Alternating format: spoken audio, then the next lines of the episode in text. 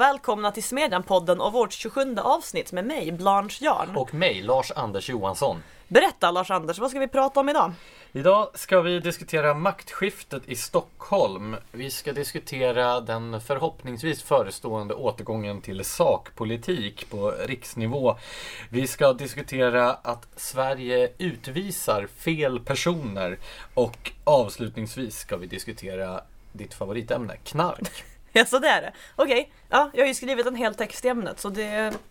Vi kan definiera det som mitt favoritämne så länge. Men först, vad har hänt sen vi sist spelade in en podd? Ja, inte bara vad som har hänt utan framförallt vad har inte hänt? En sak som inte har hänt är ju att Sverige ännu, vad är det nu, 45-46 dagar efter riksdagsvalet fortfarande inte har fått någon regering. Det känns ju helt okej.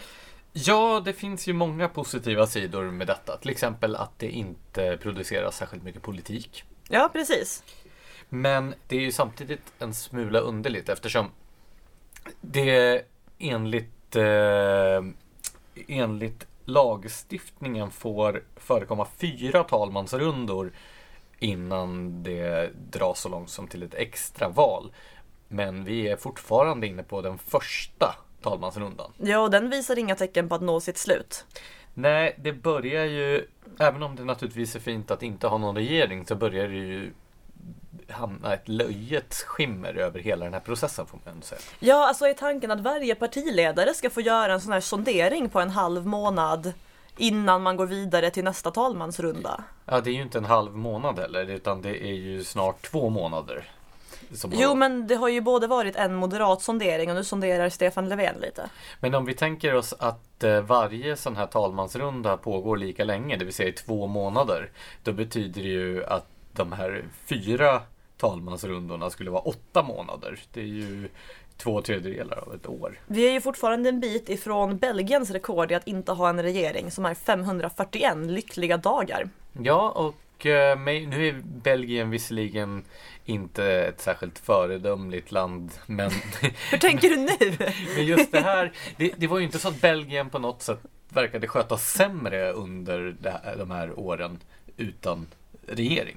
Nej, alltså ingen samhällskollaps. Sen har jag för mig också att det var så att enligt den belgiska konstitutionen som är lite mer, eh, lite mindre modernistisk än den svenska så skulle ju då kungen träda in som eh, statschef eller som regeringschef i väntan på att en regering tillträder. Men den belgiska kungen var sjukskriven under den här perioden. Vänta, en kung kan alltså bara gå och sjukskriva Ja, sig. han abdikerade ju senare. Så det var väl, eh, det låg väl i tangentens riktning. Men det, Men annat var det på den absoluta monarkins tid.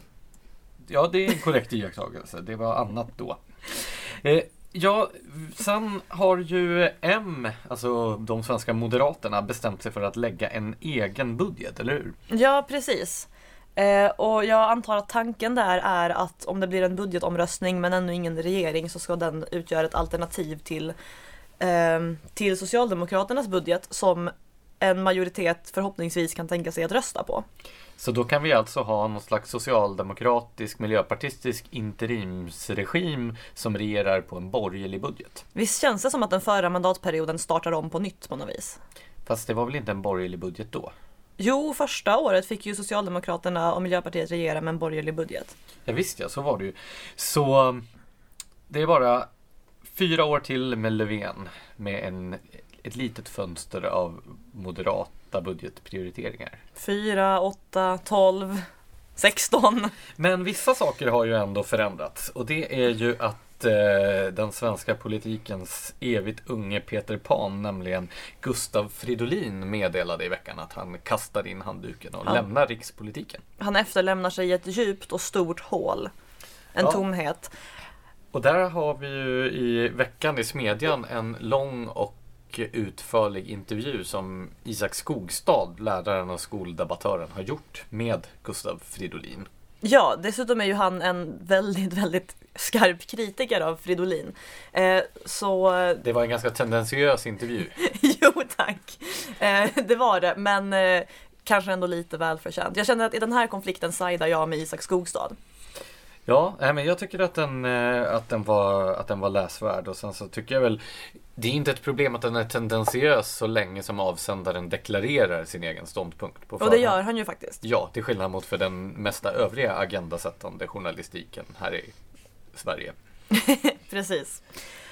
Ja, och eh, sen så noterade jag tidigare idag att du blev extra upprörd över ett eh, besked från eh, Bryssel.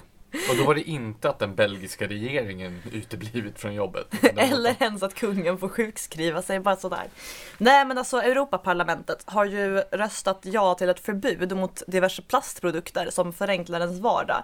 Eh, bland annat vill de förbjuda engångstallrikar och engångsbestick och så, så nu måste alla installera en diskmaskin om de vill ha fler än fyra personer hemma. Sugrör. Men, och det här var det som provocerade mig extra mycket, vilket du då alltså tyckte var orimligt, men alltså tops. De vill förbjuda tops. Dels är det Vem använder ens tops? Ja, polisen använder ju tops. Ja, nu kommer vi inte kunna lösa några brott längre. Nej men alltså, så här. Tops. Dels är det här provocerande för att det är en sån liten jävla sak. Alltså det är en sån mikroskopisk detalj i en människas vardag.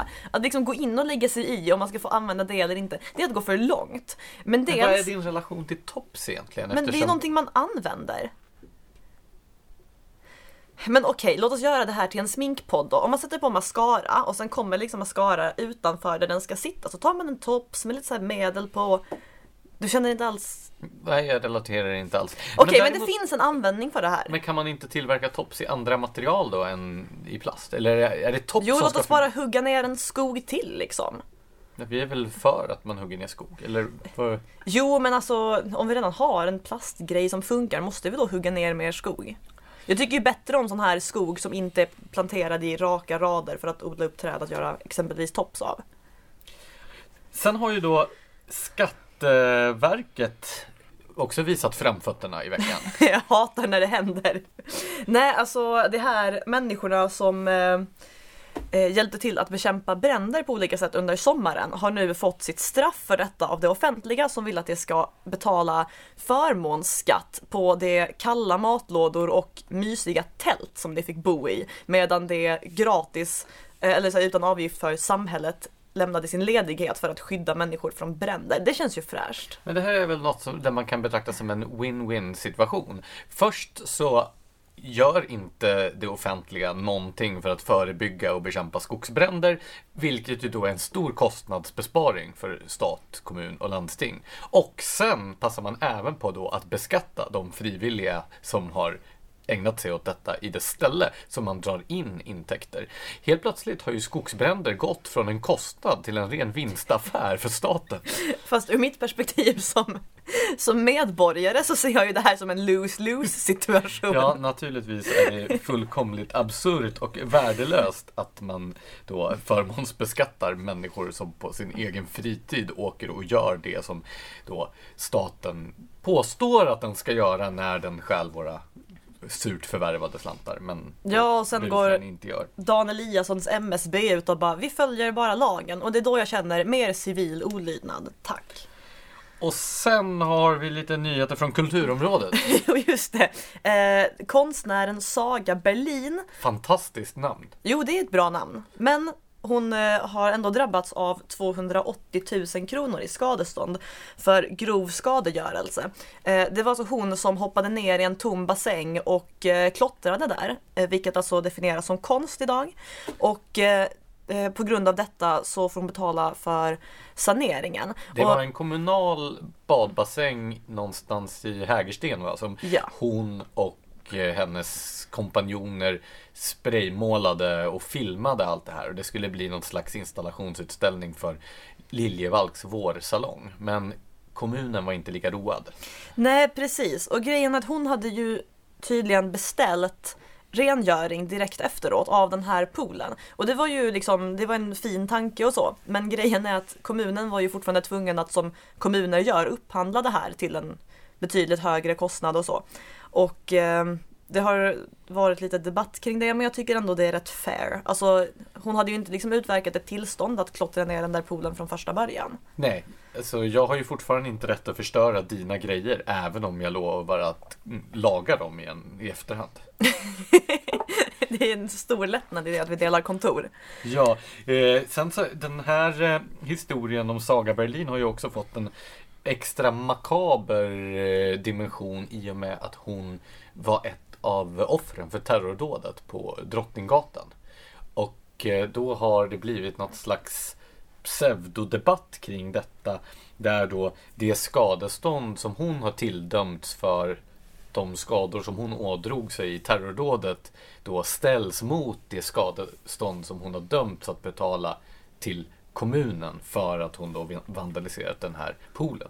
Men de sakerna har ju inte med varandra att göra överhuvudtaget. Nej, inte ett dugg, men ändå rent intresse. Vad är storleksordningen här? Jag kommer inte ihåg vad det var för skadestånd som hon fick eh, sig tilldömt för, för, det, för skadorna hon utsattes för i terrorrådet. Så jag kommer inte ihåg. Men oavsett är det väl Brottsofferfonden som betalar sådana skadestånd, eller? Ja, de här sakerna har inte alls med varandra att göra. Men debattörer då som tycker att hon har fått att hon har dömts till för högt skadestånd för sin skadegörelse tycker då att de här sakerna på något sätt skulle sättas i samband med varandra. Okej, okay. och apropå eh, stora ekonomiska utgifter fast på en helt annan skala så har ju till att börja med så har ju Stockholm tack och lov dragit sig ur tävlan om att drabbas av vinter-OS 2026 och det är väldigt trevligt. Kan du förstå vad det skulle innebära för trafiken? ja, jo, trafiken, våra plånböcker, den sortens saker. Plus att invaderas av alla de här sportturisterna i jättelång tid. Ja, Men, sportturister är ju helt värdelösa så länge det inte är fotboll det handlar om. Och ibland annars också. Men eh, låt oss inte komma in på det utan istället komma in på en av konkurrenterna till Stockholm, nämligen Calgary i Kanada. Det, där den lokala skattebetalarföreningen, eller om det till och med var hela Kanadas skattebetalarförening, nu aktivt kampanjar för att vinter-OS ska ske här i Stockholm istället. Så att Calgarys skattebetalare ska slippa smällen och vi ska få den istället. Och jag känner en väldigt stark hatkärlek till detta. För att det är en fantastisk kampanj och jag hade ju stöttat den om jag var i Calgary för hellre någon annan drabbas av detta än jag själv. Men alltså, jag vill ju verkligen inte att de lyckas med den. Ja, det är kanske dags då att planera någon form av moteld. Vet vi om skattebetalarna här i Stockholm har någon plan på att kampanja? Nej, men eh, förhoppningsvis är det på G. Ja, nej, men det är en briljant kampanj naturligtvis. Och om inte Skattebetalarnas förening vill ta upp den kastade handsken så kanske Smedjans redaktion får göra det. Vi är ju vana vid att strida mot väderkvarnar. Så jo, ju... fast grejen är att det kampanjar ju utanför ett IKEA-varuhus eh, med köttbullar. Så vad ska vi göra? Vad, har Kanada någon representation? Har Calgary någon representation? Ja, jag får, vet inte. Eh, Och vad ska vi ha istället för köttbullar? Cannabis. Just det, det har ju Jo men låt oss göra det här. Det kan bli en kul demonstration. Ja, vi får återkomma i frågan. Men först, maktskiftet i Stockholm. Vad har hänt? Ja, maktskifte och maktskifte kan man ju för det första. jo, men det, ju, är ju andra som utövar samma politik nu, så det är ju ett skifte i jo, var makten ligger. Jo, det är sant. Det var ju eh, Eh, som jag konstaterade i ett helt annat sammanhang. Socialdemokraterna, de förlorar ju aldrig makten. De bara delegerar den till andra som driver samma politik. Och i Stockholm så är ju eh, så har det ju nu blivit maktskifte påstås det eftersom Alliansen har lyckats lura över Miljöpartiet över blockgränsen. Men frågan är om det inte i själva verket är Miljöpartiet som har lyckats lura över Alliansen över blockgränsen. För eh, trots att Miljöpartiet ju på valnatten framstod som valets stora förlorare så framstår de så här i efterhand som åtminstone i Stockholm, valets machiavelliska vinnare. Och då framförallt trafikborgarrådet Daniel Heldén. Och det här är ju väldigt intressant eftersom många som eh, röstade på Moderaterna i Stockholms kommunalval gjorde ju det just för att de ville slippa Miljöpartiets haveristiska trafikpolitik. Ja precis och Moderaterna hade väl dessutom kampanjat ganska hårt för just eh, linjen rösta på oss så slipper ni Miljöpartiets trafikpolitik, eller hur? Ja precis, jag har ju några några... Pikanta citat möjligen ja, från Facebook-sidan tillhörande Moderaterna i Stockholm. Låt mig bara ta fram här. Så sent som i maj i år så skrev Moderaterna i Stockholm följande. Trafikborgarrådet Daniel Heldén, MP, håller på att omvandla Stockholms stads trafiksituation till en blandning av en cirkus och en hinderbana. Förseningar och sämre punktlighet har blivit en del av vardagen. Stockholmarna förtjänar bättre. Eh, förtjänar en bättre trafiksituation. Det är dags att byta styre i stadshuset. så det där har inte åldrats väl, det där citatet. Nej, och det finns ju fler godbitar. Jag, jag måste få citera en till. Shoot. Eh, det här är visserligen från 2016, men då skrev eh, Anna König Järlmyr som är ny borgmästare i Stockholm tillsammans med kommunstyrelsens moderata ordförande i Nacka kommun, Mats Gerdau. Så här i eh, Ja, jag tror det var i Svenska Dagbladet, kan vara DN Debatt också. Citat. Stockholm hade behövt en färdig ringled för länge sedan. Om inte tidigare S-regeringar strukit den österled som fanns med i 90-talets Dennispaket så hade den varit färdig idag. Men vi kan inte gråta över spilld mjölk utan måste ta nya tag för att lösa det vi ser som regionens utmaningar. Hur blir det med den ringleden nu efter maktskiftet? Ja, den är ju då lagd på is eftersom man kommer att fortsätta med sin strävan att eller man kommer låta Daniel Heldén fortsätta med sin strävan att förvandla Stockholms stads trafiksituation till en blandning av en cirkus och en hinderbana. Fast det där är ju missvisande för cirkus kan vara rätt kul och hinderbana finns det i alla fall människor som tycker om. Ja, alltså det är ju, har du varit uppe på eh, Klarabergsgatan vid Åhléns? Ja. Alltså, man har förvandlat då en fungerande stadsgata med en blandning av trafikslag till en slags vändplats för spårvagnar. Den är ju helt ödslig. Totalt misslyckat utnyttjande av stadsrummet. Ja, det finns ju väldigt många ytor där, där man inte riktigt kan gå, men inte riktigt heller köra eller åka. Nej, den är, och den är ju så otrevlig och ödslig. Det är ju inte som en levande piazza eller vad de brukar använda i de här stadsplaneringssammanhangen för att beskriva gator som man inte riktigt vet vad de ska användas till. Utan den är ju, det är ju inte en gågata, men det är inte heller en fungerande gata för trafik. Men man blir ju inte sugen på att sitta där och pimpla vin på sommarkvällarna direkt. Nej, inte direkt. Eh, mitt favoritexempel är ju då eh, där jag passerar varje dag på väg till jobbet, Stadsgårdsleden. Där eh, Daniel Heldén med hejdukar har tagit bort ett körfält för biltrafiken och lagt till ett körfält för cyklar. Och jag då som cyklar där flera gånger i veckan, jag noterar ju att det har aldrig varit problem att cykla längs Stadsgårdsleden. Det är ett nytt körfält för cyklar har aldrig behövts. Inte ens i rusningstrafik har det varit ett problem att cykla där. Däremot så är det alltid trafikstockning på, på bilvägen där. Och att då ta bort ett bilkörfält och lägga till ett cykelkörfält, det är ju bara för att jävlas. Och det här har ju Moderaterna under valrörelsen kampanjat intensivt emot. Och kampanjat för till exempel då utbyggnaden av Österleden. Och nu förhandlar man bort de här sakerna. Det är ju, alltså den svekdebatt som Moderaterna nu har dragit på sig kommer ju inte att sak, det kommer inte ha några gränser. Nej, men å andra sidan så har ju Moderaterna tack och lov förhandlat bort några riktigt idiotiska ställningstaganden också. Jag tänker till exempel på den förgyllda kärnreaktor som skulle stå på Blasieholmen.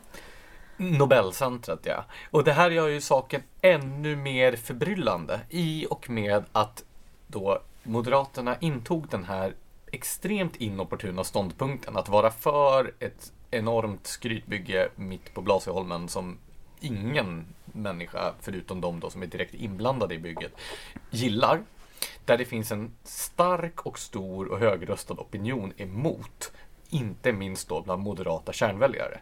Det drev Moderaterna stenhårt i valrörelsen. Så till den milda grad att då eh, borgarrådet Joakim Larsson till och med uppmanade moderata väljare som var emot Nobelcentret att rösta på andra partier. Och tji fick han! Ja, och så gjorde de det. Så att man var tvungen att göra sig beroende av Miljöpartiet. Och då förhandlar man bort det här direkt med Miljöpartiet. Fast jag har en hypotes kring det här. Låt höra. Kanske Moderaterna gjorde ett så dumt ställningstagande för att kunna förhandla bort något dåligt och slippa förhandla bort någonting bra, typ så här moderat kärnpolitik. Sen Fast insåg jag att De förhandlade ju bort allt annat också, så att ja.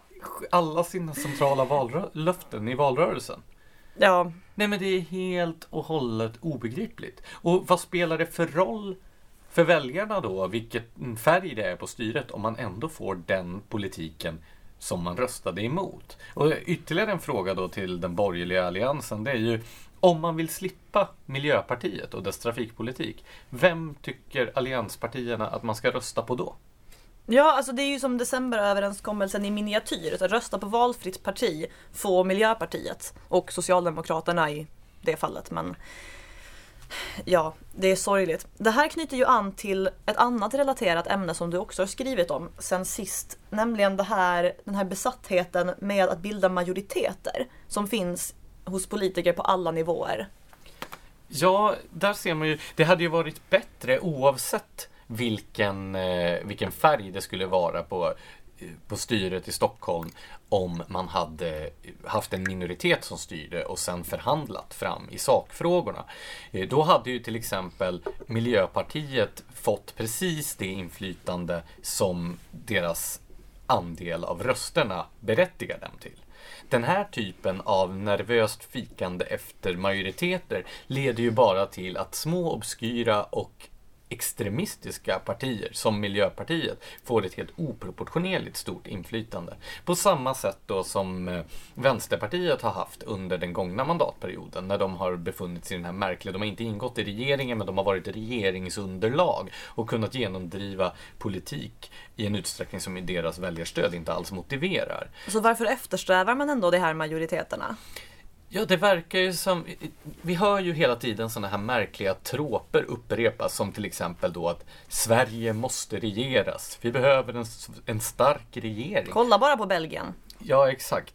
Nej, men Sverige behöver inte alls regeras, eller vi behöver åtminstone inte alls en stark regering, utan det vi behöver, det är ju en, eh, ett styre där väljarnas åsikter får genomslag i den förda politiken.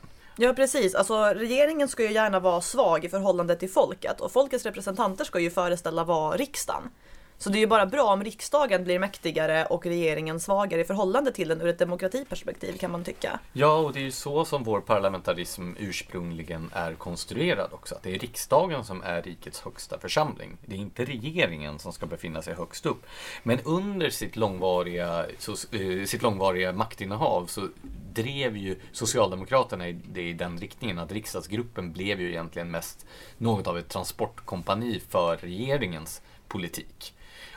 Och eh, under alliansåren så drev ju Moderaterna på i samma i samma riktning. Att riksdagsgruppen var mest då till där för att rösta igenom det som regeringen ville. Så jag tycker inte nödvändigtvis att det är någonting negativt om eh, Sverige har en svag minoritetsregering eftersom det skulle innebära per definition att makten flyttas tillbaka. Ja, kanske inte dit den hör hemma, det vill säga till vanligt folk, men åtminstone till riksdagen och den lagstiftande församlingen istället för i regeringskansliet. Ja, där har vi väl förmodligen redan svarat på frågan varför partierna ändå är så rädda för att regera med hoppande majoriteter. För att alltså, partierna får ju mer makt, det som sitter i regering ifall riksdagen inte har någonting att säga till om när de väl har har lagt fram sina förslag. Ja, men det märkligaste är ju att även de partier som befinner sig i opposition verkar ju vara livrädda för att riksdagen ska få någon form av makt. Decemberöverenskommelsen är ju det mest extrema och absurda exemplet på det här sättet att tänka. Att det viktigaste är att det finns en stark regering som kan driva sin regeringspolitik. Ja, visst var det Finland där alla partier utom Sannfinländarna ett tag försökte regera tillsammans och det blev en total pannkaka. Ja, och vad, vad händer då med de oppositionspartier som man försöker frysa ute om det är det enda alternativet till då den sittande regeringen? De här människorna som har trott att decemberöverenskommelsen och liknande lösningar skulle kunna marginalisera Sverigedemokraterna har ju bevisligen haft fel om man tänker på hur deras väljarstöd har utvecklats. Det finns ju dock ett problem med att fokusera på sakpolitik och det är ju hur otroligt nära partierna står varandra rent sakpolitiskt. Jo, men hänger inte det också samman med den här strävan efter breda majoriteter och så vidare? Jo, det gör väl tyvärr det. Om vi återvänder till exemplet med trafikfrågorna i Stockholm så har ju Socialdemokraterna och flera av de borgerliga partierna mer gemensamt med varandra än med eh, Miljöpartiet. Och då är det väl helt rimligt då att en sån bred majoritet som är överens i de frågorna skulle skulle ha ett större genomslag än vad Miljöpartiet har, som nästan ingen stödjer. Allra minst då efter fyra år av praktik. Ja, och sen har vi för många partier också. Jo, men det är ju också upp till väljarna att avgöra. Jo, Men där ser vi ju nu då, med, eftersom då allting handlar om att försöka bilda eh, någon slags majoritet i riksdagen, så får ju då de borgerliga småpartierna, alltså Centern och Liberalerna, ett alldeles för stort inflytande på regeringsbildningen också. Om vi kunde släppa den här tanken på majoriteter hela tiden så kanske vi också kunde ge småpartier inflytande i proportion till deras väljarstöd jo framförallt med tanke på hur många, alltså vad, vilken politik som många av småpartierna har skulle det vara jätteskönt. Ja, ska vi eh, säga någonting mer om detta eller ska vi gå vidare till nästa ämne? Men jag är redo att gå vidare till nästa ämne. Ja, och då har du satt den muntra rubriken Sverige utvisar fel personer. Ja men alltså vi har ju det sjukaste systemet i Sverige för vilka människor som utvisas och vilka som får stanna kvar. Alltså det här är så orimligt. Det var ju ett fall, ehm, det var förra veckan eller hur? Ja det var det. Eh, med en sexårig kille vars mamma sökte asyl i Sverige. Eller hon sökte i alla fall uppehållstillstånd. Hennes, hennes föräldrar, alltså pojkens morföräldrar, bodde redan här. Och hon eh, sökte på anhörig, alltså anknytning. Och sen dog hon medan den här processen pågick och hennes son som alltså var sex år gammal och eh, då flyttade hem till sin mormor och morfar som tog hand om Som honom. bor i Sverige. Precis, fick ett utvisningsbeslut. Eh, och det här är alltså en kille som har släktingar här som är beredda att ta hand om hon- om honom och försörja honom. Så han skulle liksom inte ligga något samhälle till last eller någonting. Han har inte liksom begått något brott, inget sånt. Det är liksom en sexårig sex kille. år gammal. Jag vet! Honom ska man utvisa Men hade han anhöriga, alltså vårdnadshavare i det land som han ska utvisas till? Han hade, om jag förstår det rätt, en farsa som inte ville kännas vid honom. Och som liksom, så här, liksom avsagt sig sitt faderskap i princip. Så det, det var ju en idiotisk idé och tack och lov så blev eh, Alltså Migrationsverket ändrade sig på den här punkten, där har jag i alla fall satt, eh, alltså lagt det på is ett tag, den här utvisningen. Men det där är ju också ett problem eftersom om det är all uppmärksamhet den här killen fick, som fick Migrationsverket att inte utsätta honom för detta. Tänk då hur det går för alla dem som inte får någon uppmärksamhet. Det är Ja, ju vad säger det om rättssäkerheten? Om en mediemobb kan ändra ett utvisningsbeslut. Sen är det väl förmodligen utifrån vad man kan läsa sig till om det enskilda fallet så är det förmodligen rätt att ändra beslutet. Men det ska ju då, för det första borde väl beslutet i så fall inte ha fattats från första början. Och för det andra ska det ju inte fattas utifrån kampanjer i media. Nej, verkligen. Så det är ett problem. Men det här fick mig också att tänka på alla de här bizarra besluten kring våldtäktsmän som har begått förskräckliga brott, som inte är svenska medborgare och som får av, alltså när det yrkas på utvisning så får det avslag i rätten på grund av deras anknytning till Sverige. Alltså så här, den här sexåriga killen hade en uppenbar anknytning till Sverige i det att hans morföräldrar och liksom de släktingar som tar hand om honom bor här. En kille som har alltså, genomfört en grov våldtäkt mot en person har däremot en så stark anknytning till Sverige för nu har han ju ändå varit här i tre år. Ja, och när han har avtjänat sitt fängelsestraff har han ju varit här ännu längre.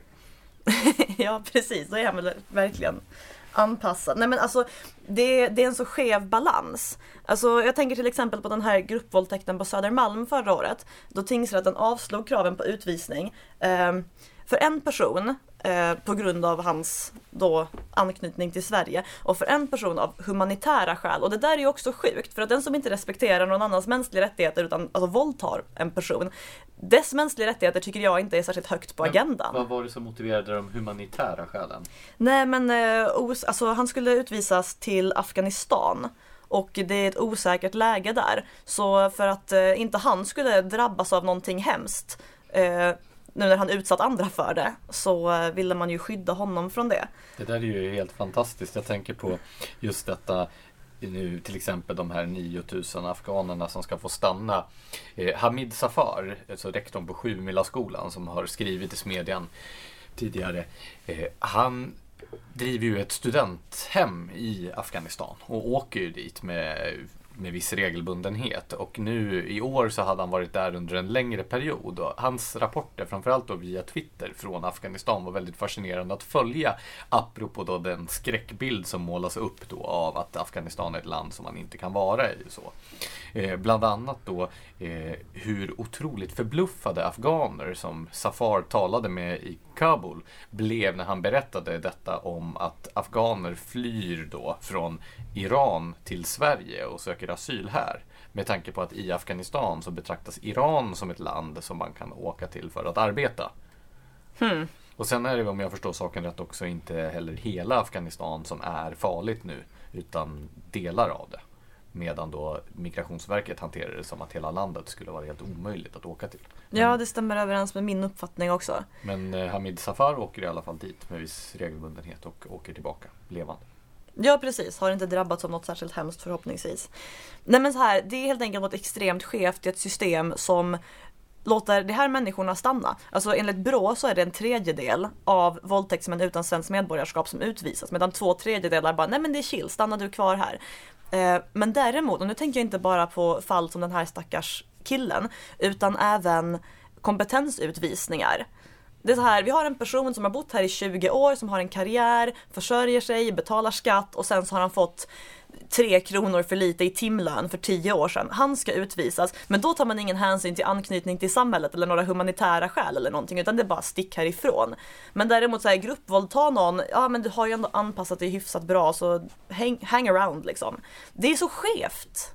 Ja, naturligtvis är det det. Och Eh, den konspirationsteoretiskt lagda skulle ju kunna urskilja någon slags vänsterideologiskt klienttänkande i detta. Alltså, arbetskraftsinvandring och kompetensinvandring är någonting dåligt eftersom det konkurrensutsätter den infödda arbetskraften. Medan däremot bidragsinvandring, människor som aldrig anpassar sig till eh, förhållandena på arbetsmarknaden och aldrig kommer att kunna då försörja sig själva och bidra på något sätt. De blir ju då, de hamnar i en klientsituation till de offentliga systemen. Det här diskuterade vi ju tidigare apropå Socialdemokraterna Moderaternas förändrade Eh, demografiska underlag. Det vill säga att Socialdemokraterna har ju blivit ett parti för människor som inte arbetar och försörjer sig själva. Från att ha varit ett arbetarparti till ett icke-arbetande parti. Och det här skapar ju incitament åt båda hållen. Det skapar ju incitament för människor som inte arbetar att rösta på Socialdemokraterna och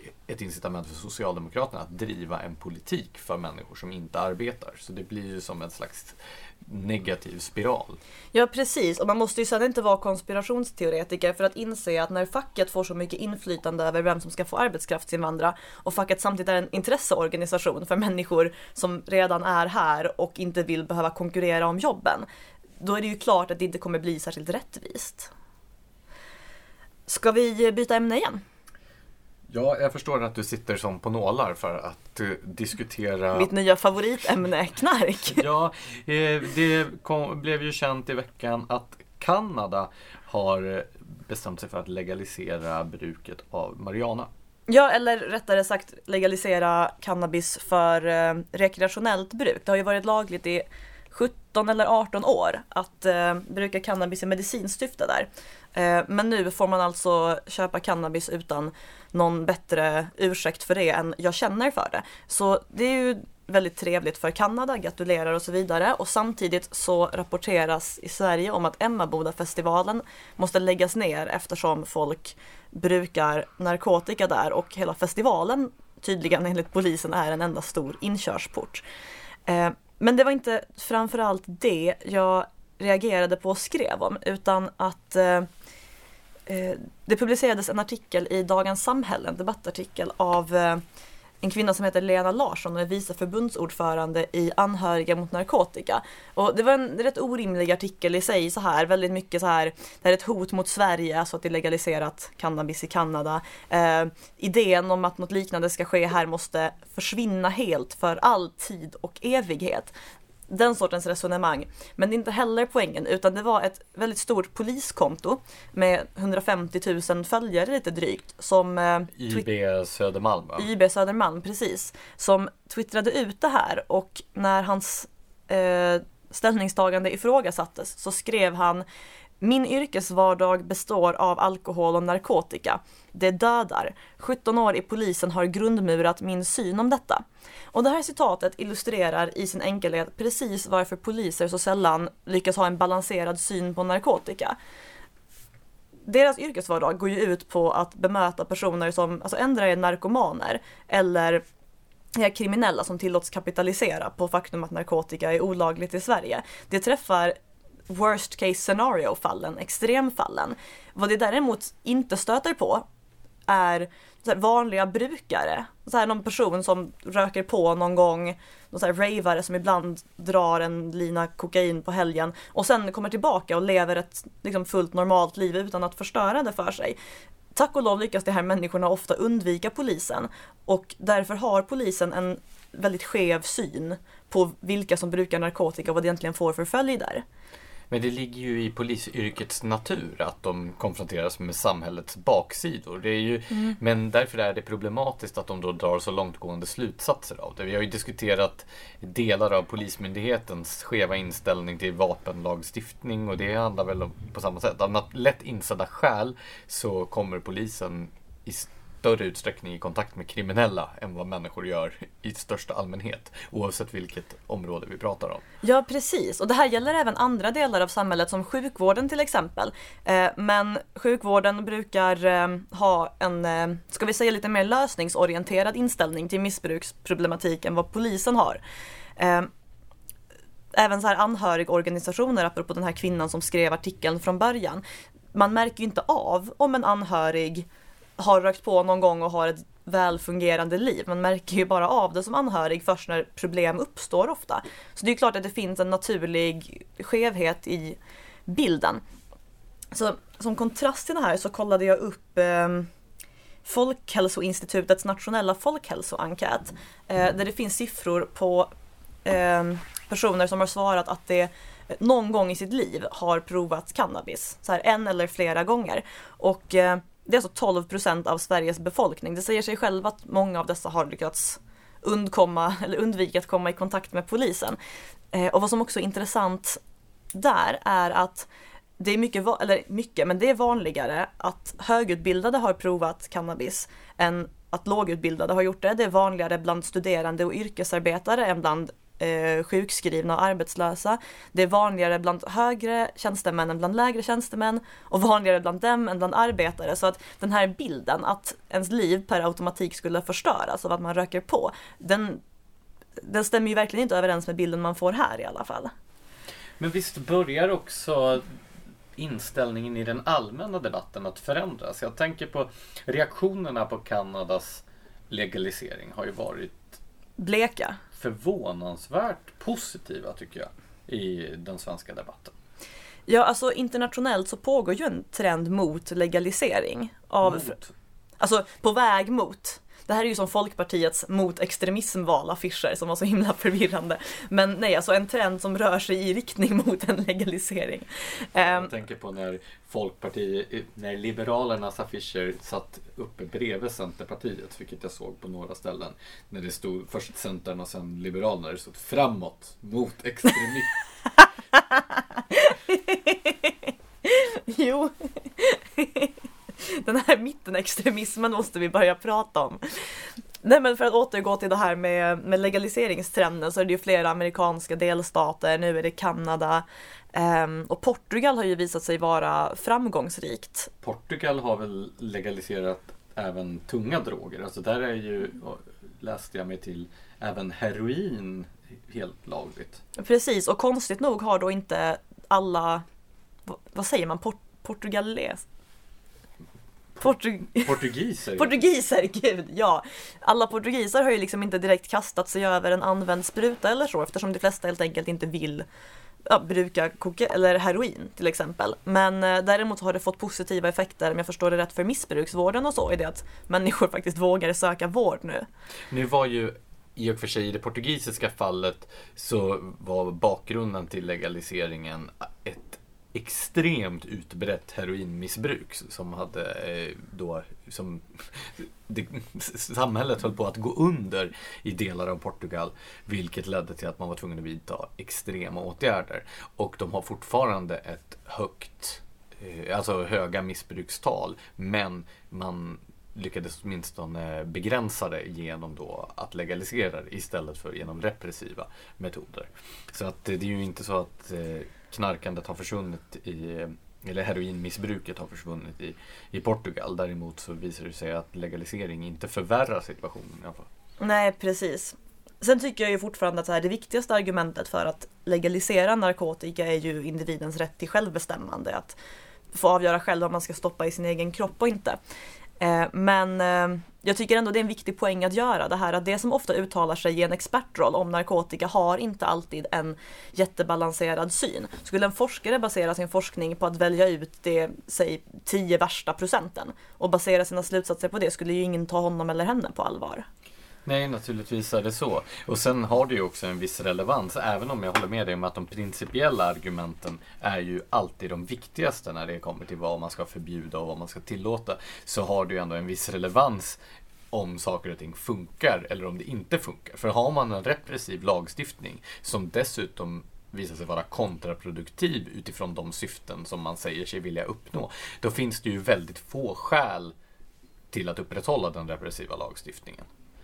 Det är ju lite grann som med då Lafferkurvan. Att det är väldigt märkligt om målet med att ta in skatt ska vara att dra in pengar till offentlig verksamhet. Att då höja skatten så mycket att det kommer in mindre resurser till offentlig verksamhet.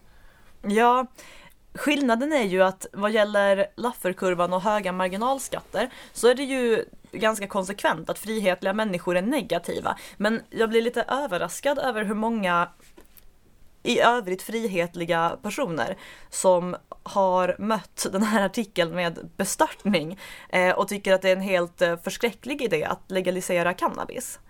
Det, det, alltså den vanliga skiljelinjen mellan så frihetlig och antifrihetlig verkar inte riktigt gälla i den här frågan och det är rätt intressant. Vad tror du det beror på?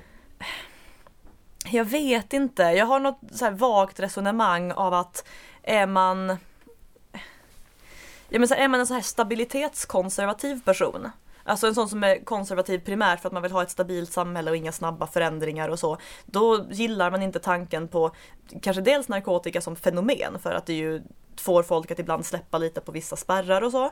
Men framförallt inte på att göra någonting lagligt som redan är olagligt. Men hänger inte också det här i mångt och mycket samman med den här ständiga rättspositivismen som präglar hela vårt samhälle och som bara blir värre och värre. Det vill säga att man blandar ihop lagstiftning och privatmoral. Att allting som mm. är tillåtet ska också vara moraliskt riktigt och allting som är som man tycker är fel moraliskt ska också vara förbjudet. Och då blir det människor som inte tycker att det är en bra idé att använda narkotika tycker också att det ska vara förbjudet eftersom de här sakerna måste sammanfalla. Ja, det här dumresonemanget går ju i andra hållet, åt andra hållet också, det vill säga eh, narkotika är olagligt och därför måste det ju vara moraliskt fel. Ja, precis. Att de här sakerna eh, Eh, hela tiden blandas ihop och därför så blir människor upprörda. Om man skriver så här, det vore nog en bra idé att legalisera narko eh, att legalisera narkotika, då läser folk det som att det är bra att knarka. Precis, men det där är också en sån grej. Det här, var en, det här var ändå ett av de roligare kommentarsfälten under en artikel som vi haft på sistone. Bland annat var det åtminstone någon snubbe som eh, tyckte att polisen borde upprätta en misstanke eh, mot mig för droginnehav eftersom jag ju argumenterar för att legalisera cannabis. Som att den som faktiskt röker på skulle vara dum nog att vara ute och skylta med det i debatten liksom. Ja men är det inte, är det inte sådär, alltså med drogliberalism lite grann som som med sex, att det är de som inte har det som pratar om det hela tiden. Tänker du någon sorts cannabismotsvarighet till incels här eller? ja, men lite så. Åtminstone så har jag för mig att det var så runt millennieskiftet när det också fanns en sån där trend bland somliga liberaler att hela tiden försöka provocera med sina eh, drogliberala ståndpunkter och sen förstod man att det här var ju de människorna som liksom aldrig hade lämnat pojk eller flickrummet någonsin. Jo, jag känner igen det där. Men det betyder ju inte att de hade fel i sak. Däremot så kanske den här personen som tyckte att din artikel var skäl nog att misstänka dig för brottslig verksamhet var kanske lite drog väl kanske lite långtgående slutsatser. Japp. Personen taggade även in eh, Polismyndigheten i kommentaren så att det liksom skulle se och upprätta den här misstanken eftersom ju polisen har så lite att göra nu för tiden. Så du är med andra ord rökt? jo, jag tror det. Nu, nu kommer det att slå ner min dörr. Ja, hade du några andra spännande reaktioner på det där inlägget? Eh, ja, vi kan ju ta och komma in på, på lyssnarfrågorna nu tänker jag. Och läsarfrågorna. ja, just det. Eh, nej men alltså jag tror det här är min absoluta favorit. Det var en person vid namn Mattias Averup som skrev så här. Skitartikel från Timbro. Knarka ner befolkningen så att man får zombier som lyder order och underordnar sig makten? Frågetecken. Det här skulle alltså då vara Timbros dolda agenda bakom att rapportera om eh, legalisering av cannabis. Jo tack. Och det, det, finns ju två stora problem med det här resonemanget. Ja, det, det väcker en, en rad frågor. ja, till att börja med. Om det nu är folk som brukar narkotika fast det är olagligt, är det då inte per definition så att den som knarkar är den som inte lyder order och underordnar sig makten? Jo, det, så skulle man ju kunna tänka att det var. Jo, och sen så är det också det här med hur zombier funkar. Jag ser ju ändå... Berätta för mig Blanche hur zombier funkar. Nej, det här men... är en fråga jag har velat lyfta många gånger men det har aldrig blivit tillfälle. Här, vi bör inte komma in för noggrant på det eftersom zombies är en av mina hobbys. Du ser så förtvivlad ut Så just många frågor uppe Nej men så här, zombiefilmer är ju en extremt bra kategori film. Eh, och jag tror ändå jag har sett så många att jag kan uttala mig i någon alltså, till en viss grad med trovärdighet om hur zombier agerar. Till exempel så äter de andra människor. Det begår ganska grovt våld mot dem i processen.